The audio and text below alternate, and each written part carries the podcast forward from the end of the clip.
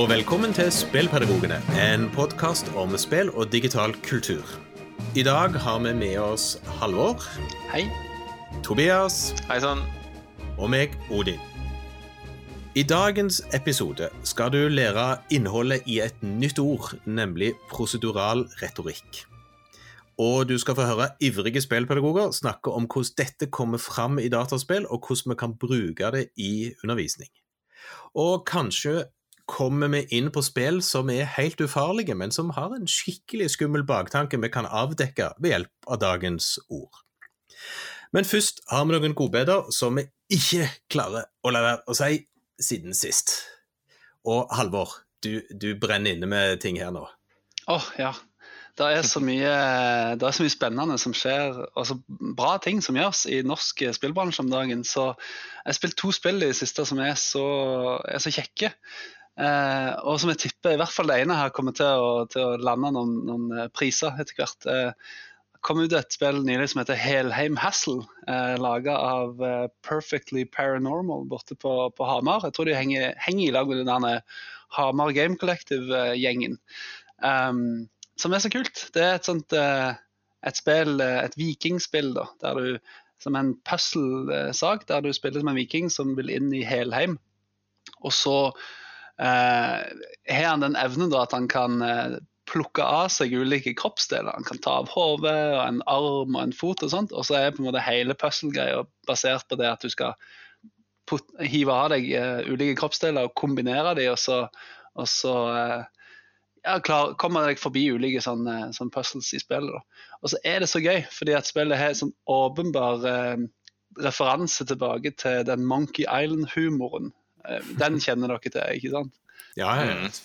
Den der litt sånn lune, ordspillbaserte humoren. Ofte sånn litt sånn indirekte Ja, jeg vil Altså jeg tror kanskje ikke kona mi ville synes det var så veldig moro.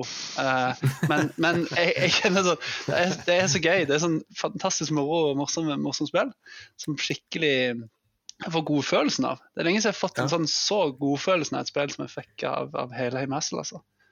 Ja, jeg, har, jeg, har, spilt det så vidt. Jeg har spilt innledningen eller kommet i gang med det. og det, det, er jo litt som du sier, den, det får litt den Monkey Island-feelingen i forhold til litt antihelten. Ja, definitivt. Som, som, jo for så vidt ikke er noen helt, men som blir jo på en måte sentralt i hele spillet. Som, ja, det, det ser, Og så er det vel en del paroditing sånn direkte på overdrevne skikkelser. og jeg traff jo, Du treffer jo Odin min kjernebro relativt tidlig, og det var en relativt hysterisk opplevelse. ja, det, det, er det definitivt. Jeg har, ikke, jeg har, ikke, spilt det, men jeg ser at det er nok et spill som havner på backloggen eh, eller på radaren, eller hvordan metafor vi skal mm. bruke. Mm. Det, er jo, det, er jo, litt kjekt at et norsk spill drar inn en, en såpass hva skal vi si, en, en sånn at, at, det får en såpass god start. De får en, en god feeling, at du, du føler at her er det et spill som treffer en god tone. Mm helt klart. Mm. Helt klart. Men Vil dere si det er et spill som er best på PC eller best på Switch? Jeg har ikke prøvd det på PC. Eh, det funker veldig bra på Switch. Mm. Det funker veldig godt på PC, for det er der jeg har spilt. Og der skal jeg komme med innrømming. Jeg trekker jo på åra. Og, og, og, nærmer meg 50, og jeg har faktisk jeg har oppdaget at Switch har en litt liten skjerm. Ok. ja, Sånn at, uh, sånn at når jeg sitter da og spiller spill på Switch, så merker jeg at ei, jeg må spille med lesebriller. Oh, og, og, det føles litt gammelt. Jeg har skeive hornhinner og er nødt til å bruke briller uansett når jeg ser på skjerm hvis jeg ikke skal få vondt i øynene, så ja, du er ikke alene. Nei, men, det er liksom litt sånn flaut. Jeg har vanligvis er kjekt med sånne ting, og så bare blir det sånn Jeg må lenger vekk, men da blir alt på skjermen så fryktelig smått. Så, så jeg, jeg, har liksom oppdaget at jo, Switch er kjekt, men stor skjerm på PC litt kjekkere. Husker dere de der forstørrelsesskjermene de hadde solgte til Gameboy Color og sånn? Og Gameboy? Ja, ja. De var jo mynter på sånt. Sånne folk som er oppe i åra. Nei, unnskyld, du er ikke gammel. Eller ikke ennå, kanskje. Ah, det, det, det, er jo sånne ting som får deg til å tenke at alder er jo ikke bare i hodet. Nei. Nå skal jeg stille et veldig lada og litt teit spørsmål. Tror du at å ha um, gaming som en kulturell referanse gjør at alle, at, at du tenker mindre på At alle får en annen betydning, hvis det maker sens? Eh, ja og, og ja, er, nei, er, er, gaming en ungdomskilde? Det vil jeg spørre om. På en måte. Ja, på en måte, fordi at gamingen tror jeg får deg til å være interessert og nysgjerrig og ha lyst til å løse ting. Mm. Uh, uh, ikke det at det nødvendigvis er sånn tegn på alderdom at du ikke har lyst til det. Uh, for, fordi jeg merker jo for så vidt den andre sida av det at det er jo spill jeg er lei av, som Mm. jeg ser at junior i huset syns er kjempegøy. Jeg bare Kjedelig. Og om det er fordi det er alder, eller fordi jeg har spilt den typen spill sjøl for mye, det, det vet jeg ikke, men, men jeg tenker jo at det, det å være interessert i spill er jo en del av å være interessert i et slags liv, er noe som, som er nysgjerrig. og som, på, på samme måte som hvis du er interessert i litteratur og har det som en livslang interesse, så tror jeg jo det òg er med å holde hjernen og interessen og nysgjerrighet og lyst til å gjøre ting i gang Mm. på en annen måte enn hos de som ikke gjør det. Men om det er en ungdomskilde Ja Altså, jeg er jo, jeg er jo innfødt nerd, og, og, det er nok kanskje det som det er mer et resultat av at jeg syns jo alt sånn er kjekt. Mm. Mm. Men det er jo ikke det eneste norske spillet som kom ut nå, er det det? Nei, nei, nei. er, om, to, om to dager så kommer der et til, og du Halvor vet noe om det òg. Du Åh, din lurendreier. Jeg var skikkelig heldig og fikk meg en review, review code, er det det heter? En en eksemplar Mm. av eh, Mattis Folkestad, eller Machineboy sitt nye spill Embracelet. Og, eh, Mattis Folkestad har vi snakket om før på podkasten, for han har laga spillet 'Milkmade of the Milky Way, som vi har brukt i både i undervisningen og eh, vi snakker om det her før. Mm. Eh, vi har kalt eh, han for et renessansemenneske tidligere, og det Mhm. tror jeg jaggu jeg eh, har lyst til å kalle han nå òg. Mhm.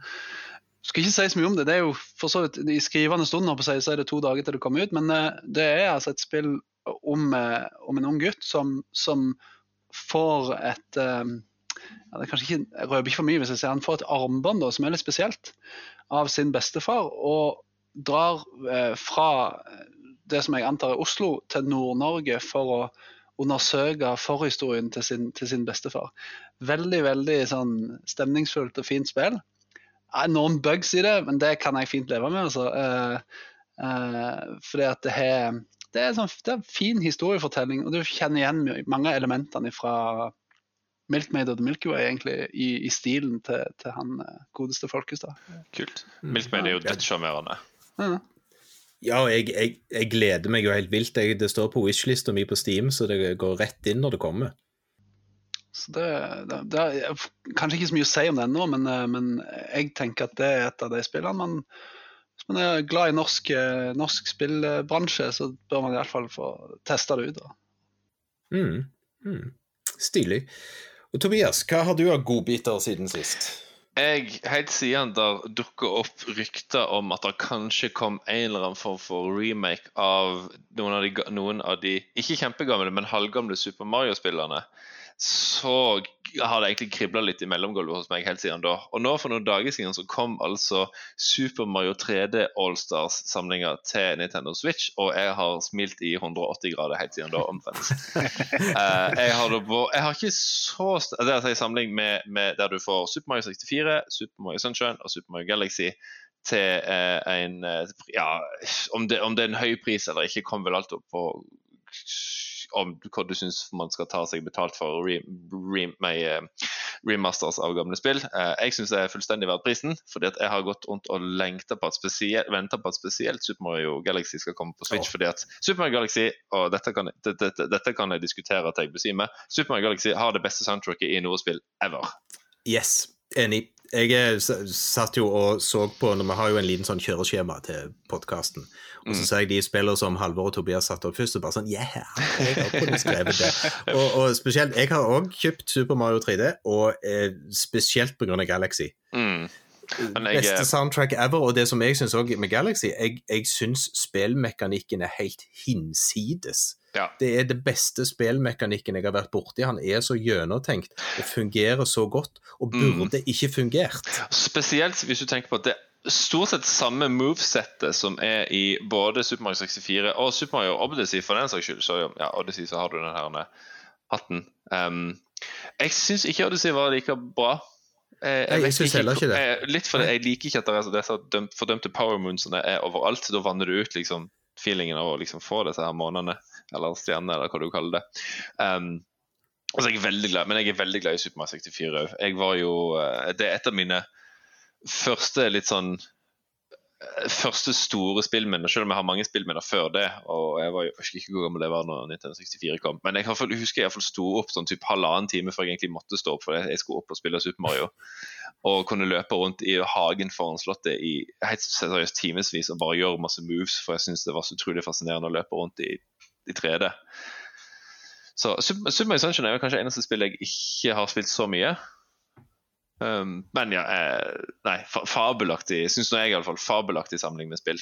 Um, ja, ja, jeg, jeg syns jo det er verdt bare Galaxy i seg sjøl, jeg. Mm. Det, det, å springe rundt i tre dimensjoner og springe rundt på disse planetene du hopper, som har sin egen gravitasjon, der du flyger mm. rundt og sånne ting, det er så genialt gjennomført. Og det er så, og det er så lekent, og det er så kreativt, og det er så tight. Det er så utrolig tight. Ja. Uh, kontroll, ja, nei, det, Super Mario Galaxy det er et av mine favorittspill, altså. Og skal, skal jeg si et som ikke er på lista. Uh, men jeg har så vidt begynt å spille Hades på Switchen. Som var vel en Epic Store-eksklusiv da det kom. Da det ble lansert, ja. og det var i Early Access. Nå er det i hvert fall ute i versjon 1.0 og har solgt i bøtter og spann helt siden det kom. Og jeg syns Switchen er den beste konsollen til sånne rogelikes og, og, spill som skal spilles i korte bursts. Um, PC, på PC-en min og PlayStation min spiller jeg litt lengre og tyngre spill. Uh, men uh, Hades virket til å være det perfekte, så langt til å være det perfekte, et, et, et perfekt eh, Switch-spill for min del. Mm. Um, mm. Så for de dere som ikke har spilt det, uh, man er da sønnen av Hades som skal prøve å rømme, rømme hjemmefra, altså komme seg ut av dette riket. Og, og, så må du og trikset er liksom, det er greit, du kommer deg liksom aldri ut, for hvis du dør, så begynner du liksom på nytt, men du, du lærer noe nytt hele tida. Det sånn Rogelikes er jo den type spill der man um, spiller egentlig samme spillet om og om igjen. Og du, når, når, du dør, så må du begynne litt fra scratch, men du driver hele tiden og akkumulerer litt flere ting. og mm. Karakteren din blir kanskje litt bedre, du får tilgang til mer utstyr som gjør at hvert run er litt annerledes. Uh, og død føles ikke som et setback. Uh, tvert imot så er det progresjon. Eh, mm. Andre gode spill i den sjangeren er f.eks. Eh, Slay the Spire eller Dead Cells eller eh, Binding of Isaac og ja, et par andre sånne. Mm. Så ja. Så det har jeg spilt. Det har du spilt, ja. Og jeg òg. Ellers, min lille godbit er jo for så vidt det som dere andre har sagt. Uh, det, jeg, jeg, gleder meg til en bracelet i overmorgen, så jeg er litt misunt på deg, Halvor. Uh, men jeg har jo uh, holdt på med Spillpedagogbanken. Fanfare. Ja. ja. Uh, og det er jo mitt lille hjertebarn, holdt på å si, en lang koronaferie. Så i tillegg til å bare sitte og kose meg i hagen, så de dagene det ikke gikk an, så satt jeg stort sett inne og skrev på undervisningsforslag til hvordan du kan bruke dataspill i skolen, skolen sortert etter fag og alder mm. i forhold til masse spill. Uh, og det har jo nå blitt nettstedet Spillpedagogbanken. Hey. Hey. Og jeg syns jo det er skrekkelig nift, for jeg har tenkt at hey, jeg har brukt mye timer på dette, og vanligvis så pleier jeg jo bare å gi vekk ting. Så da tenkte jeg kanskje folk er interessert i å kjøpe det òg. Mm. Hvis det er mange nok, og de er gode nok, og alt det der. Så i går var lanseringsdagen sånn offisielt, så nå mm. spres ordet, og så får vi se om noen overhodet kjøpe noe. hvis, jeg, hvis jeg husker rett, så er ikke prisen så fryktelig, fryktelig drøy. Nei, altså jeg, jeg tenkte liksom litt for meg sjøl at det, eh, det, må ligge på sånn i bokform. For det, det er mm. sånn jeg har tenkt. Jeg har tenkt på det som søsterboken til, til spillpedagogikk. For, for, der fikk vi jo ikke plass til noen undervisningsopplegg. Vi fikk jo inn praksisboksene, som vi er jo veldig fornøyd med. Mm. Men jeg tenkte at hvis, hvis, du da har lest spillpedagogikk og, og vil liksom komme i gang litt kjapt, så det å kunne da ha en bank med undervisningsopplegg liggende klar, må jo være kjekt. Mm. Så det er vel hva jeg har sagt, 300 kroner for privatpersoner og 1250 for en hel skole. Der mm. da alle lærerne på skolen får tilgang til basen. Så, så får vi se. Og det ligger jo ganske mange opplegg der inne. Ja, det er vel per dags dato 44 eller noe sånt. Ja. Og så har jeg som mål at jeg skal lage minst ett annenhver uke. Ja. Og, det, og, det, skal jeg klare, for jeg har liggende en del halvkvedaviser der. Men mm. det som er litt sånn kjekt, da, bortsett fra at det, dette er jo ren promotering som jeg har store problemer med, for jeg er ikke blåruss. Jeg er jobber i det offentlige og er humanist og lever glad, fri programvareentusiast osv. osv. Mm. Glad i å dele. Men det som har vært kjekt med å gjøre det, det er jo det at jeg har i leidinga etter spill å lage undervisningsopplegg om, Mm. så har jeg jo funnet masse kjekke spill. Og, og egentlig så er jo mer den lista over de nye spillene jeg har lagt undervisningsopplegg til, det er en sånn liste over spill jeg syns er kjekke. Uh, og, og, og der er det jo et jeg satte meg ned for jeg syntes det så kjekt ut, som er òg et Switch-spill, som òg kommer til Windows, eller kom til Windows, som heter Inmost. Som, som jeg satt og spilte gjennom. Og det er sjelden jeg har vært borti et spill som tør å ta en såpass tøff fortelling i et såpass eh, tilforlatelig ytre. Den må du utdype. Må du utdype. Ja, altså, Ja. Det, det, er det er egentlig en, en nokså Eller det ser ut til å være nokså vanlig sånn eh, 2D-plattformer.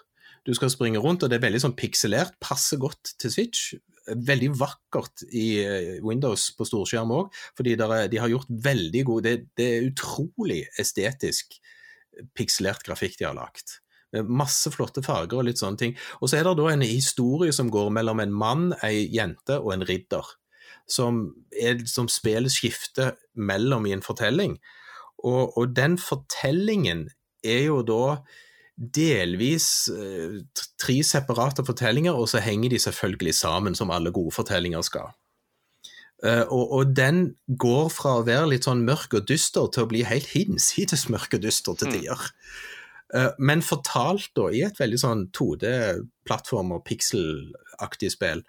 Så, så det er jo en spillnovelle av dimensjoner, uttrykt uten særlig mye tekst, men gjennom grafikken og gjennom også spillmekanikken, for alle disse tre figurene har helt ulik spillmekanikk, som òg da står igjen for hva, hva de som person i fortellingen gjør.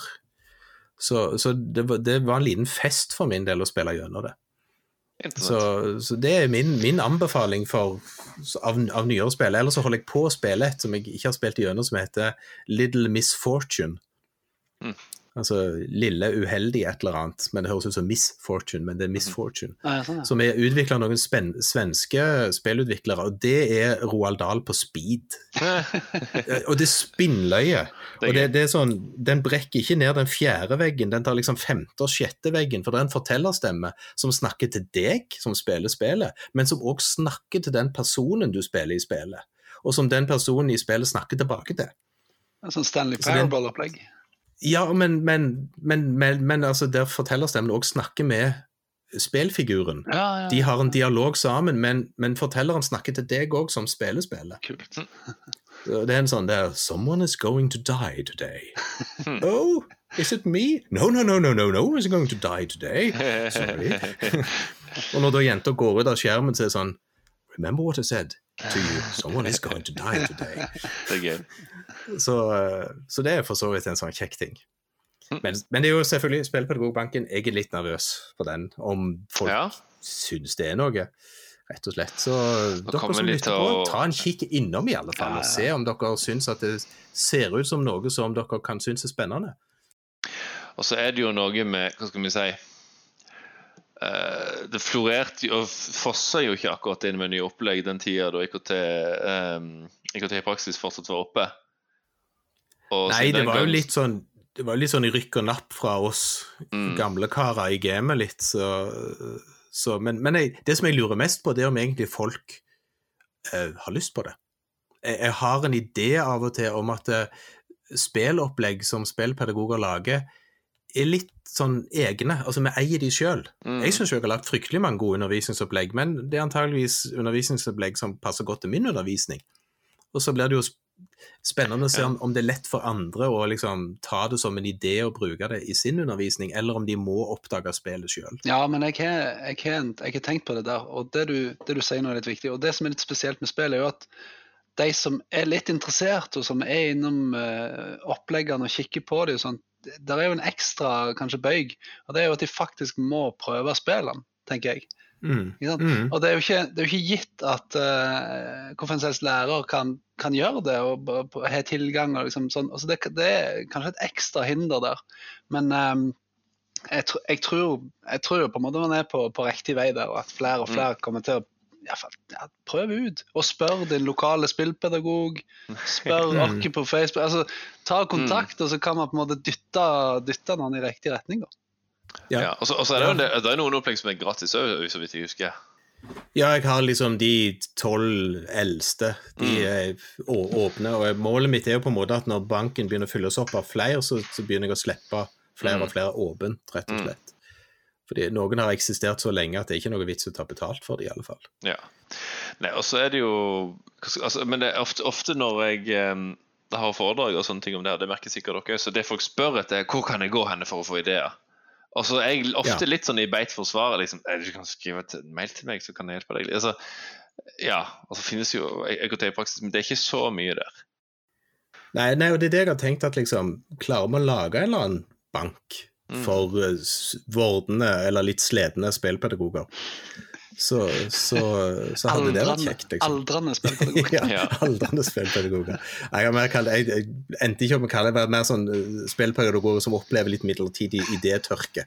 Okay. Det kan skje hvem som helst. ja. Så kan få litt inspirasjon eller et eller annet. Mm.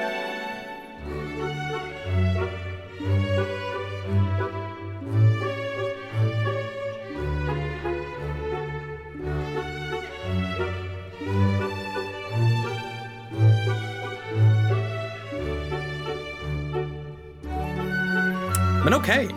Da Det var dagens godbiter. Vi skal bevege oss over på dagens tema, som er det ordet jeg alltid er redd for å uttale feil, nemlig prosedural retorikk. Og jeg skal Vi, vi, vi ser hverandre som snakker, jeg ser Halvor sitter og gliser.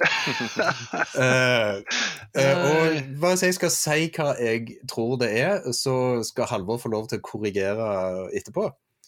Uh, og jeg ville sagt at proseduralretorikk er rett og slett en, at spill gjennom spin, sin spillmekanikk uh, legger inn et argument om hvordan verden faktisk fungerer, gjennom hva som er lov å gjøre i spillet, og hva som ikke er lov å gjøre i spillet. Altså hvordan spillmekanismene fungerer inn, innad i logikken i spillet. Og at det kan hos noen spillutviklere bevisst, og hos noen antageligvis også ubevisst, påvirke eller fortelle oss noe om hvordan de mener at verden faktisk virker.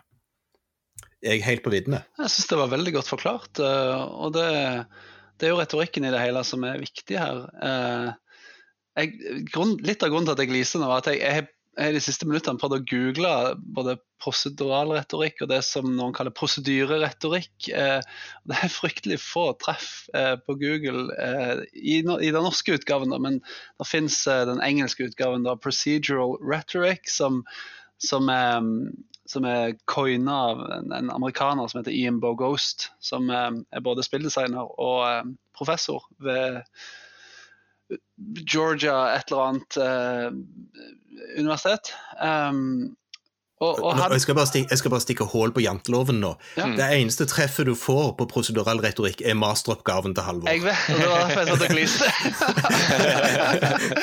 så, så tingen er altså, Greia er jo at um, som du sa, uh, spill gjennom sin mekanikk uh, har et argument om, om, verden. Og her vet jeg at vi er, vi er, kanskje ikke helt enige, og det er litt gøy. Um, fordi jeg er på en måte mast om dette helt siden jeg holdt på å skrive denne masteroppgaven. Og, vi nevnte sånn delvis her inne på podkasten en del ganger.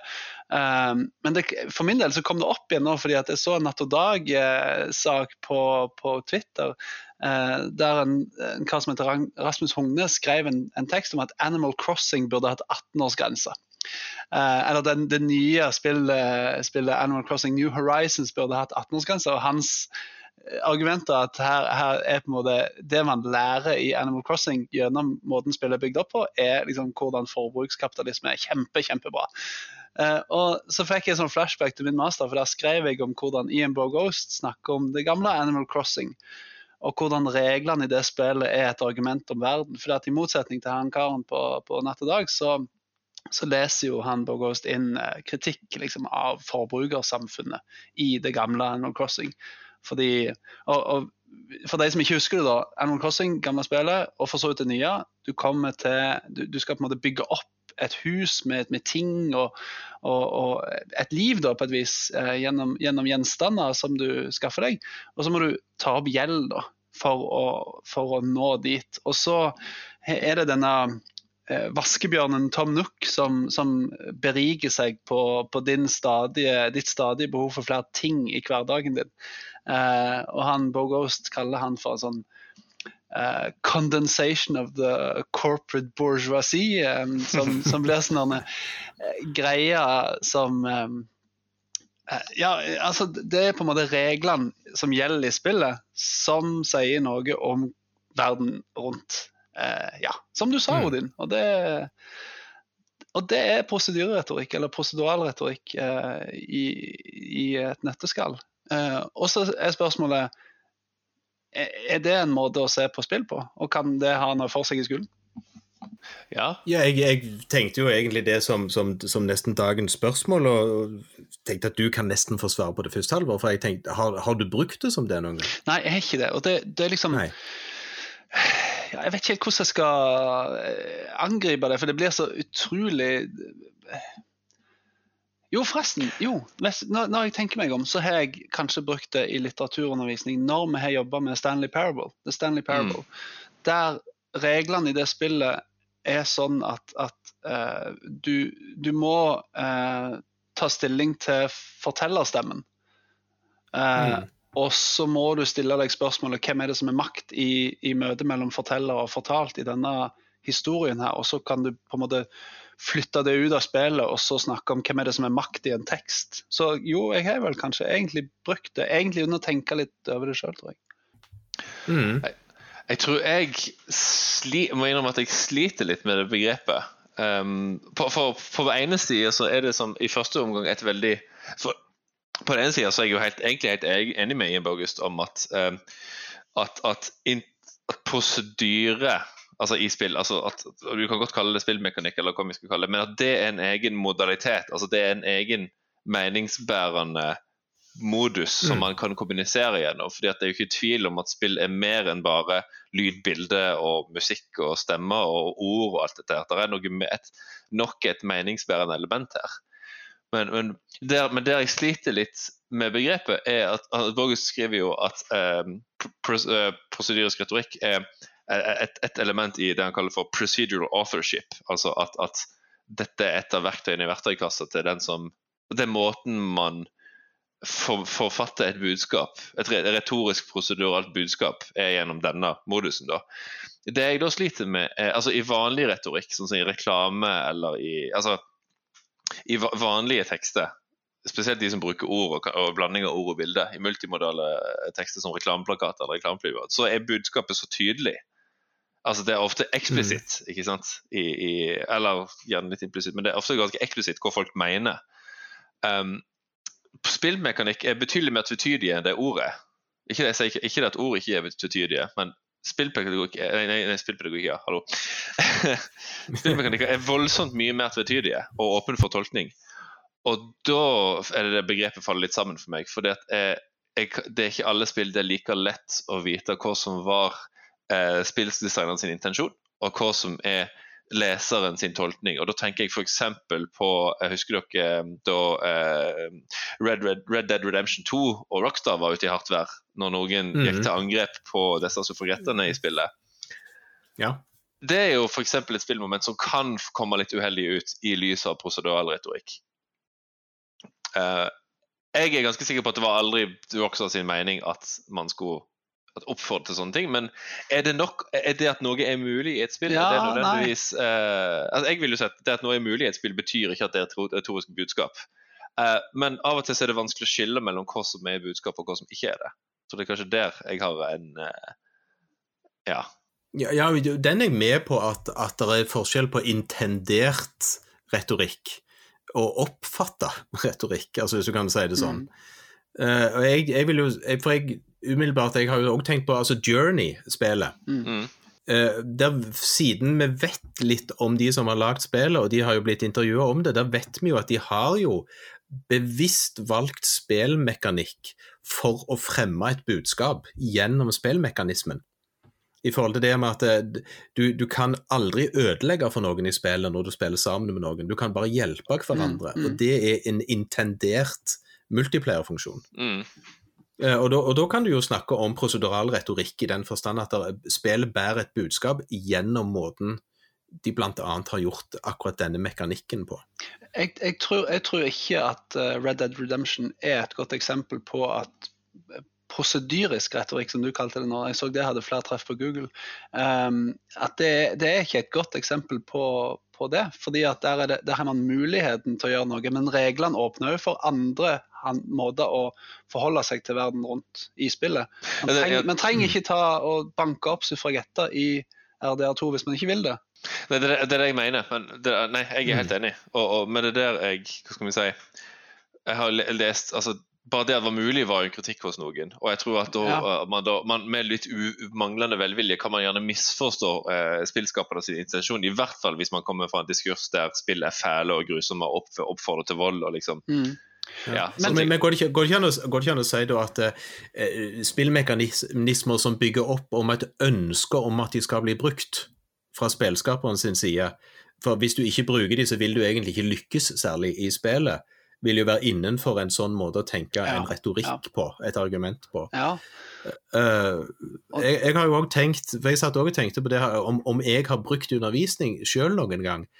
Uh, og Jeg har jo ikke brukt det med det ordet, men jeg har jo tenkt at når jeg har brukt Proteus, mm. denne lille perlen av denne øyen du skal bare gå rundt på og egentlig observere, og der hele spillet jo handler om det som skjer når du er der du er. altså det er jo opp din observasjon av ting som driver spillet framover.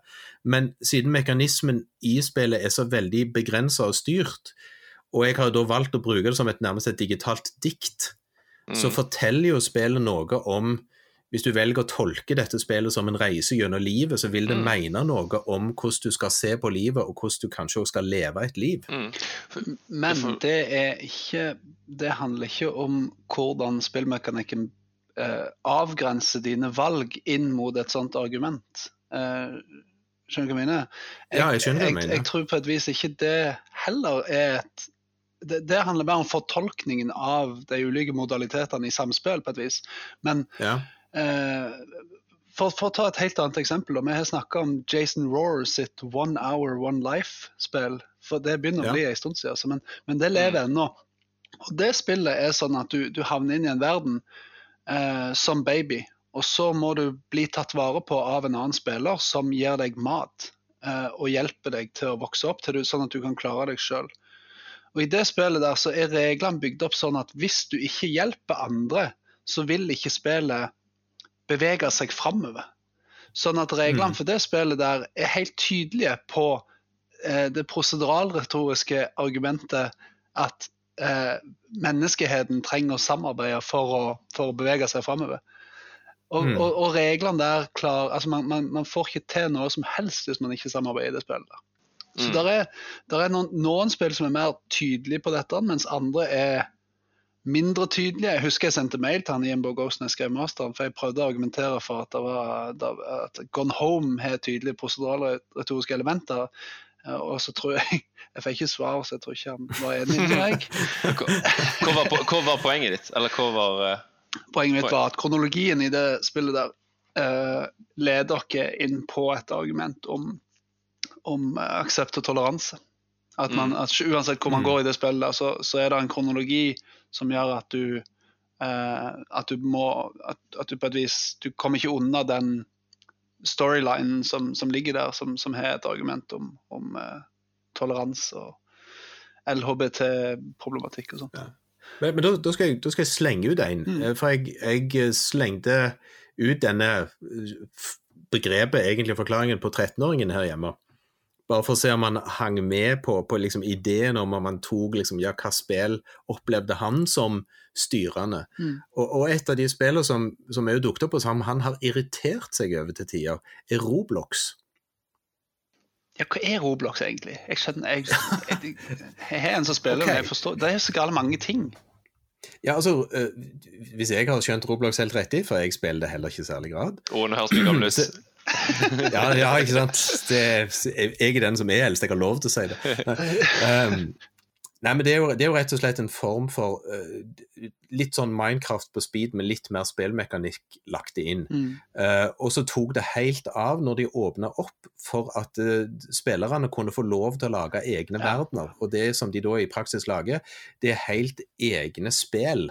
Med, med innenfor spillmekanismene som ligger i Roblox-spillet som sådan. Uh, og så da, kan, kan spillere få lov til å bli med i disse verdenene under visse forutsetninger, og så, og så spiller de i disse spillene i disse verdenene. Men, men, det som jo på en måte eh, junior oppdaget fryktelig fort, og som jeg mener da er et slags eh, argument som Roblox fører, det er at du kan betale deg forbi absolutt alt. Mm. Altså, hvis du, hvis du, skal bygge opp nok ressurser til å få en bil som kjører raskere, hvis du skal mm. bygge opp nok ressurser til osv., osv., osv.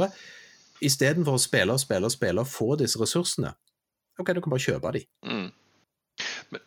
Og, og, det som Johan opplevde da, det var jo mer et slags argument om at du, du kan kjøpe deg til alt. Du, du trenger ikke spille det, du kan kjøpe det.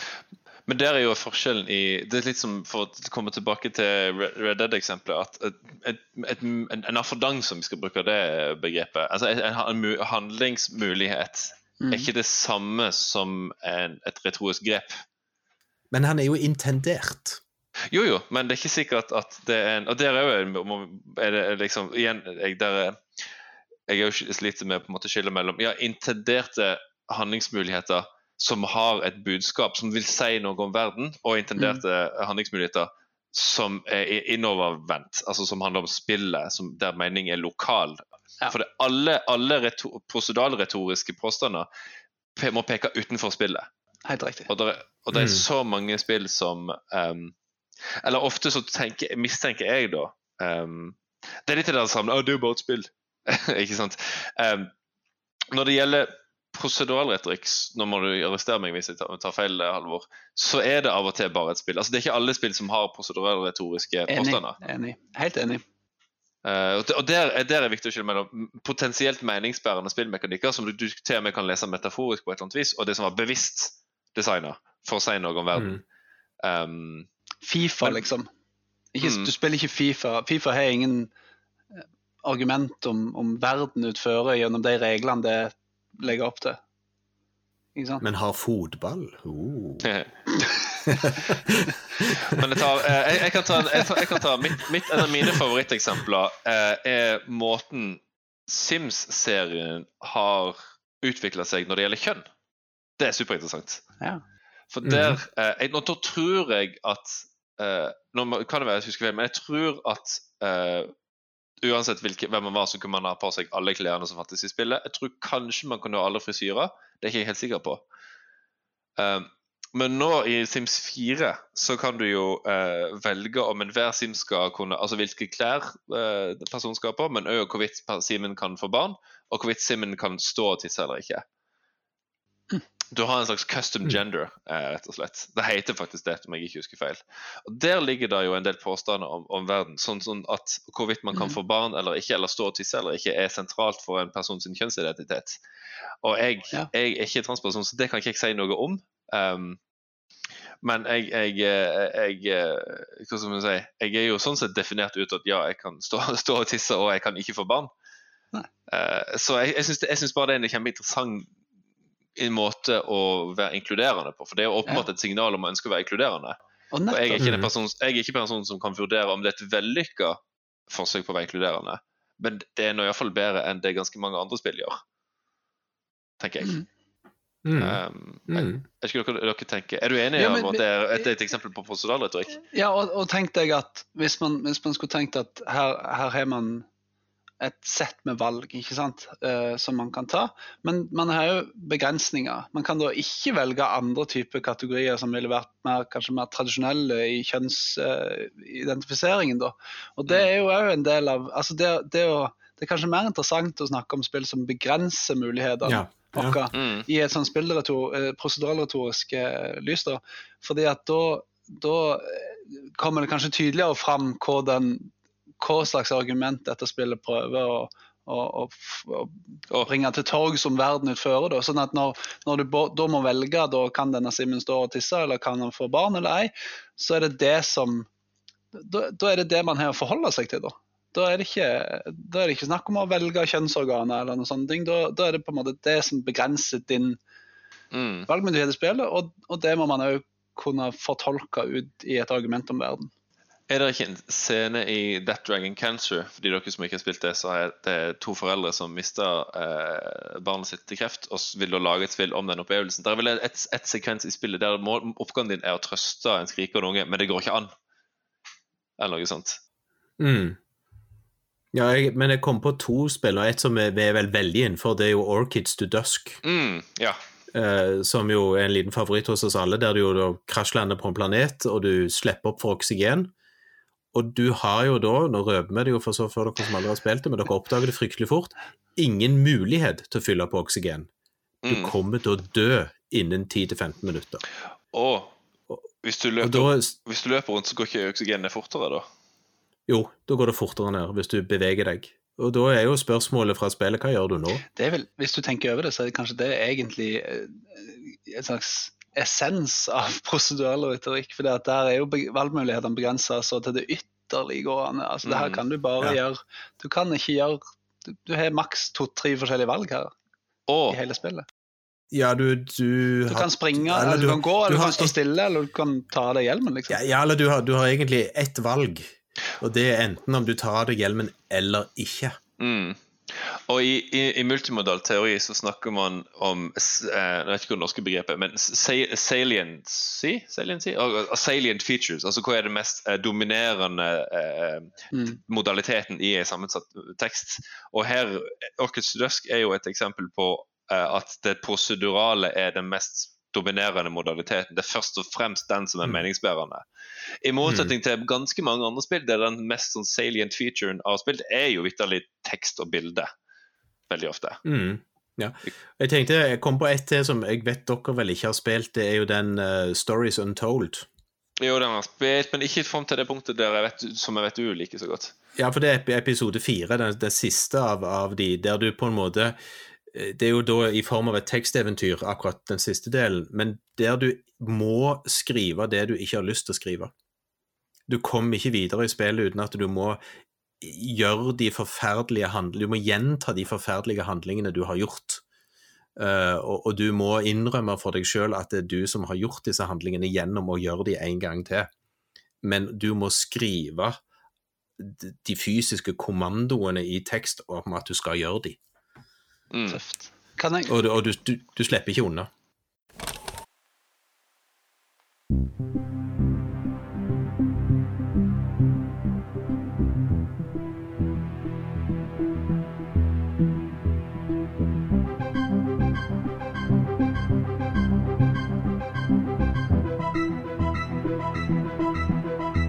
Kan jeg bringe dere inn i klasserommet igjen? Ja, gjerne. Ja, selvfølgelig. Det er der vi liker oss best. Ja, men nå, nå jeg, jeg kjente på akkurat at vi driver name-dropper masse spill, og det er kjempe, kjempegøy og kjempeinteressant. Men, men, men, på et vis, eh, jeg tenker at det å bruke dette i klasserommet, en, en, en, en produktiv måte å bruke proseduralretorikk på i klasserommet, må jo være at elever får anledning til å kjenne på eh, på noe helt konkret som vi vil bringe inn fra, fra verden ut, utføre. Altså et, en erfaring, et eller annet som vi søker å eksemplifisere, men som vi ikke kan som vi kan på en måte lese om i ei bok. Som, som uh, det går an å lese om i ei bok, men som man kanskje i større grad får mer utbytte av gjennom å, um, å, å bruke spill. Fordi at man får en erfaring som man kan knytte til noe, et argument om verden utfører. Vi har jo for å name-droppe enda et spill. Da. Vi har jo snakka om It Goes On, som er et sånt bitte mm. lite mm. spill som handler om å flytte en, en, firkant fra et sted til et annet på, på et spillebrett, og så blir det vanskeligere og vanskeligere. Og Det har et tydelig spillretorisk argument altså, eh, som handler om at det er vanskelig å være å ha en funksjonsnedsettelse i samfunnet.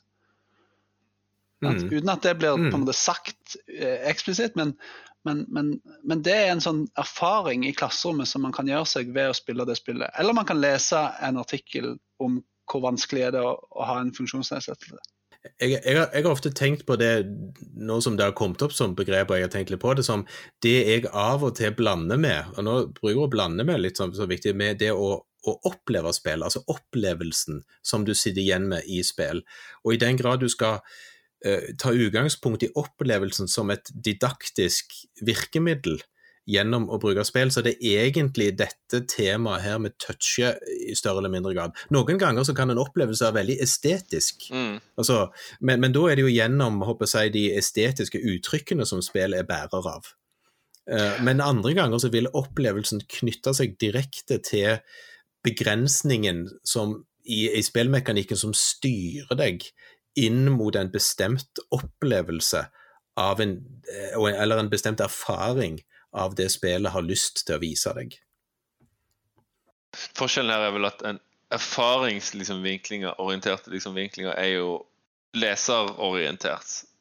Mens det retorisk, spillretoriske er vel, som kanskje er et smoothere begrep enn proseduralretoriske. Selv om, ja, egentlig. Ja. Uh, det er jo uh, av, til, uansett av, på et eller annet vis mer avsenderorientert. Hvem er det opphavspersonen, hva er det opphavspersonen ville si med dette her? Eh, hvordan er dette ja, ja, men, argumentet men, satt sammen? Men gjennom en opplevelse, vil jo jeg slenge ut òg, da. Ikke nødvendigvis gjennom en, en, en kognitiv altså prosess der du må tenke og resonnere og litt sånne ting. Du blir satt litt mer direkte inn i situasjonen som en del av spillmekanikken. Spillopplevelsen. Ja, men opplevelsen er jo bredere enn bare reglene i spillet, da.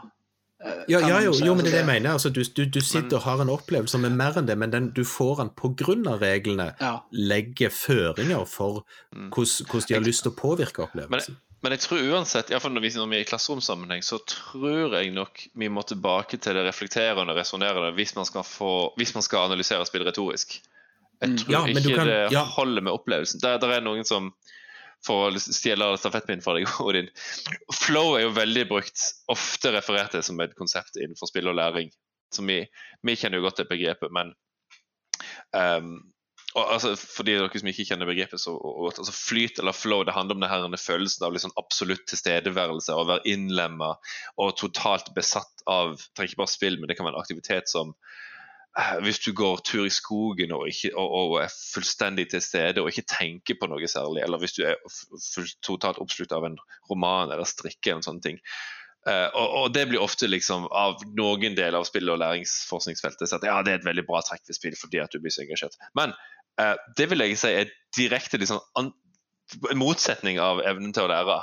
Uh, for å lære så må du stoppe opp og reflektere og tenke hva er det jeg gjør for noe nå, og hva betyr dette for ja. noe. og ja, og fullst, helt kjempeenig, men det, det, er mitt argument av og til at vi må reflektere over opplevelsen.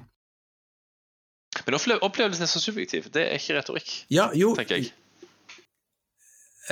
Jo, fordi at hvis spillet Halvor sier og smiler. ja, har, den, har, dette innebygd, så vil en jo forhåpentligvis sitte igjen med at flertallet har hatt noenlunde den samme opplevelsen. Jeg tror altså, men Hvordan vet du at de har den samme opplevelsen? Hvordan vet du at de ikke sitter hjemme med veldig forskjellige nei, opplevelser? Nei, men Det er jo derfor vi må snakke om den, men vi må våge å snakke om opplevelsen de hadde. Og da må vi spørre etter den. Ja, men det er jo blitt så altså, subjektorientert, subjektorientert, leserorientert. Ja, ja.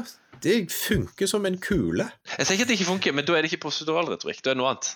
Ja, jeg er, jeg er litt enig der, altså. fordi at eh, det proseduralretoriske er, er rent forbundet med, med hvordan spillet organiserer reglene sine for, for, å mene noe om verden utfører, Og da, og da er jo opplevelsen, Hvis opplevelsen samsvarer med det som er på et vis tanken her, hvis, hvis vi leser teksten på samme måte som, som intensjonen er, da, så er jo opplevelsen selvfølgelig noe som, som samsvarer. Men, men, det, men det, er, det, er, tilfeldig i så fall.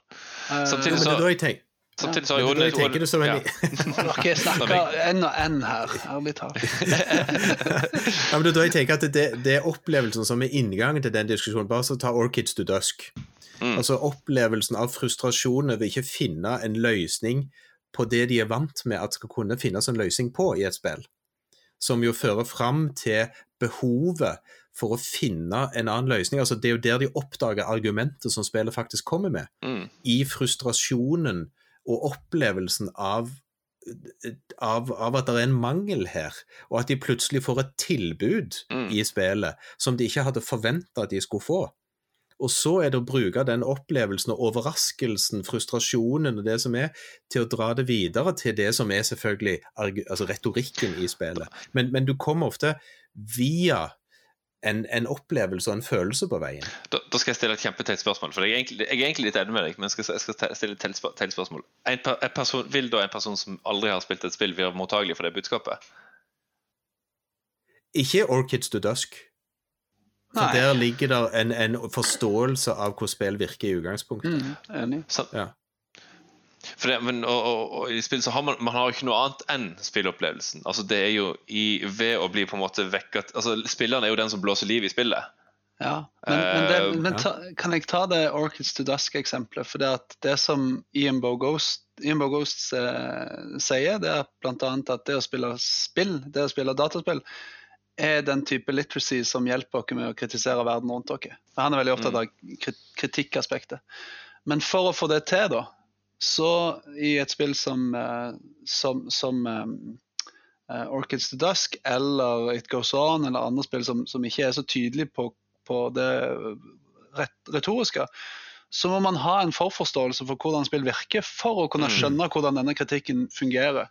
For hvis man mm. ikke har hvis man aldri har spilt et spill før og kommer til et spill som ikke lar deg overleve altså, det, det, altså det, det, bare, det bare tar livet av deg, så vil du jo selvfølgelig ikke skjønne at den regelbundne biten her er et, er et, poeng i seg sjøl. Så det mm. er jo svaret på det spørsmålet ditt. Tobias. Jeg har et eksempel, Apropos leserkyndighet og den slags type ting. Jeg har et eksempel fra klasserommet da vi leste en reklame fra Nespresso. Som har vært en eksamensoppgave på videregående for tid tilbake. Og Den var som mange sånne reklamer formet som en avisartikkel. Og en del av elevene skjønte rett og slett ikke at dette var reklame. De trodde det var en artikkel. Mm. Um, altså, da, har de den, da, da, har de på en måte, Det er litt sånn motsatte problemstillinger. Da har de på en måte den, den, mangelen på literacy som er nødvendig for at de skal bli på en måte lurt, i hermetegn. Ja. ja. Der, der, jeg, skal, jeg, skal... jeg, kan bare, jeg, leste nettopp boken til Marte Blikstad Ballas og Johan Tønneson om sakprosa. og Der nevnte de det eksempelet fra Husker dere Sommerøy oppe i Nord-Norge? Som hadde en sånn turistkampanje en sånn kampanje på at de skulle tre ut av tiden. De skulle, ha, de skulle hive av klokkene sine og ikke forholde seg til tidssoner lenger eh, om sommeren. Og Der lagde de en pressemelding på det som Innovasjon Norge sto bak. Og, og, sendte ut, og folk bare ja, 'Herlighet, så kult!' Og hele verdensmedia heiv seg på. og og, og, og, gjorde det. Og, var på en måte med på den historien. da, Så viser det seg jo at selvfølgelig var et reklamestunt. At de aldri hadde tenkt å gjøre det. Men elevene òg. Elevene som, som Marte Blikstad Blads eh, intervjua, eh, noen av dem ble jo skikkelig irritert da, og, lei seg fordi at de hadde lest noe som de antok var, var riktig, men så, som viser seg å være feil. Og Det handler jo om at de ikke hadde De klarte ikke å De hadde kanskje ikke den lesekyndigheten som, som, trengtes for å avsløre dette. Og det samme er jo med spilldesign og sånt. Det, det, er litt av de mm. samme mekanismene som, som treffer. Så jeg tenkte jeg skal bare bruke et eksempel til da, før jeg skal komme med et siste eh, tips før vi runder av. Ja. Uh, og, og, det er jo rett og slett Hvis dere spiller uh, Stanley Parable og gjør alt det fortellerstemmen sier at dere skal gjøre, eller bør gjøre, eller bare sier at du gjør, så vil du vinne spillet. Mm -hmm. Eller nå kan du kan kalle det. Og, og, det som jeg har opplevd med elevene da, det er at hvis vi har en samtale om Vant du spillet nå? Ja. hmm. Så sitter alle elevene og er litt skuffa, for de har jo ikke vunnet noen ting, egentlig. De, de skjønner logikken, de, de, har spilt spill før. Ja, jeg, jeg vant jo. Men følelsen og opplevelsen stemmer ikke med resultatet. Og så kan vi begynne å snakke om ja, hvorfor opplevde dere det? Nei, jeg gjorde jo bare det jeg ble fortalt. Mm. Alltid. Jeg bare fulgte fortellerstemmen, og så vant jeg. Det, det, var jo ingenting under veien her som gjorde at dette opplevdes som en belønning, som et mål, som, som noen ting. Så, og det er jo òg en, en, sånn, igjen denne, som jeg vil da ta denne skuffelsen hos elevene som utgangspunkt for ja, hva, hva grunner den i? Er, hvor, hvor, oppstår denne skuffelsen i møte med denne, dette spillet? Mm. Og, hva, og, hva, har spillet gjort for at dere sitter og er litt skuffa nå? Mm. Og hva kan dere gjøre annerledes? Og så ramler du inn med de neste rundene med Stanley Parable som bare blir sykere og sykere og sykere da, etter hvert som de gjør andre ting enn det fortellerstemmen sier. Med, fare for å gjøre denne episoden litt uh, Godt eksempel, forresten. Den uh og, og godt eksempel på hvordan man bruker Stanley Parable sånn generelt, Mm. tenker jeg. Ja. Med, fare for å gjøre denne episoden litt for lang. Um, det er, der er ett eksempel i en forskningsartikkel som jeg stadig vekk irriterer meg over hver gang jeg tenker på det. Og Det er altså en uh, Artikkelen heter 'Video Games in Education How they are, are being used and how they should be used'. eller noe sånt heter den. Så ekstremt normativt. Um, der er det, uh, refererer forfatteren til et spill som heter The Dragon's Den, eller sånt, som er et kjemispill. Kjemilæringsspill. Og på, et, fra, på et sted i artikkelen så står det at In this game students are able to uh, manipulate chemical compounds as easily as in real life. altså, da man setter et ekstremt stort Om, om personen forfatteren vil det eller ikke, jeg er ikke helt sikker, da, men, men jeg klarer liksom ikke å la tvilen komme til gode. Han setter ekstremt likhetstegn mellom kjemi representert i dette spillet, og kjemi sånn som det faktisk er. Jeg har, sett, jeg har hørt noen si litt det samme om Minecraft Education Edition, om eh, periodesystemet der. Og der, jeg, jeg, og der er liksom en diskurs gående i deler av spill, forskningsfeltet på spill og læring om at, at representasjon i et dataspill av et Altså en, en prosedyrisk representasjon av et system ute i naturen, som f.eks. For, eksempel kjemi, er det samme, altså representasjonen og det, det som blir representert, er det samme. Man setter likhetstegn mellom. Så mestrer du spillet, så vil du da òg mestre, liksom. Og, og, og da har man jo på en måte Det er jo litt sånn som de elevene som ikke skjønte at dette var en reklame. på en måte. Altså Da har de falt i Det er jo akkurat det budskapet jeg tipper noen sånn educational game developers prøver å selge. Spill dette her, så har Mm. du basically hatt um, og da, altså, så, så god kritisk literacy rundt læringsspill er jo nettopp å bruke altså Analysere de prosedural- proseduralretorisk. Hva er det de på, faktisk påstår om verden, Mm, og er det mm. faktisk sånn verden funker? Mm. Eh, Det Mm. tror jeg er en kul oppgave du kan gi elevene. Ja, absolutt Og da skal jeg hive ut en siste liten sånn Kan du si at dataspill generelt er en form for et Har en, har en prosedural retorikk? Nei. Er det, Nei. er det ikke, et, er det ikke en, en, en kjennetegn med alle dataspill? Så godt som alle dataspill. Nei, det, det vil jeg definitivt Som ligger, som ligger i kjernen på hva dataspill er. Fifa, liksom. Gå tilbake til det, da. Du, nei? Ja, jo, men, ja, men altså, Jeg ville jo sagt noe som vi ofte trekker fram, faktisk, som er særegent med dataspill, og som gjør at vi har lyst til å bruke dataspill i undervisning. At det er gøy. Du kan prøve de igjen og igjen. Ah. Og igjen. Du feiler, du prøver på ny. Du feiler, du prøver på ny. Og det argumentet er jo det går an å feile, det går an å prøve på ny. Oi, høres ut som jeg er med i en sånn amerikansk uh, greie. Try again, and then you will succeed. Jeg kan gå litt nærmere mikrofonen og si du kan feile, du kan prøve på ny. Du må, du må lage noe ASMR-greie, Odin. Ja. Nei, men altså, jeg Ja, men tenker som, som, som, som et argument i, i forhold til jf. skole, som av og til kanskje har et argument om at hvis du mislykkes nå, så får du aldri prøve om igjen. Oh. Altså eksamen som retorisk argument, du har én sjanse, den er nå. Mens et dataspill sier om verden, du har mange sjanser. Men, og der er vi jo ute på igjen, nok en gang for kanskje å gjøre den litt for lang. Um, retoriske påstander, altså Denne typen påstander i spill kan være både normative og deskriptive. Altså De kan si noe om hvordan verden er, eller hvordan de mener ver- verden bør være.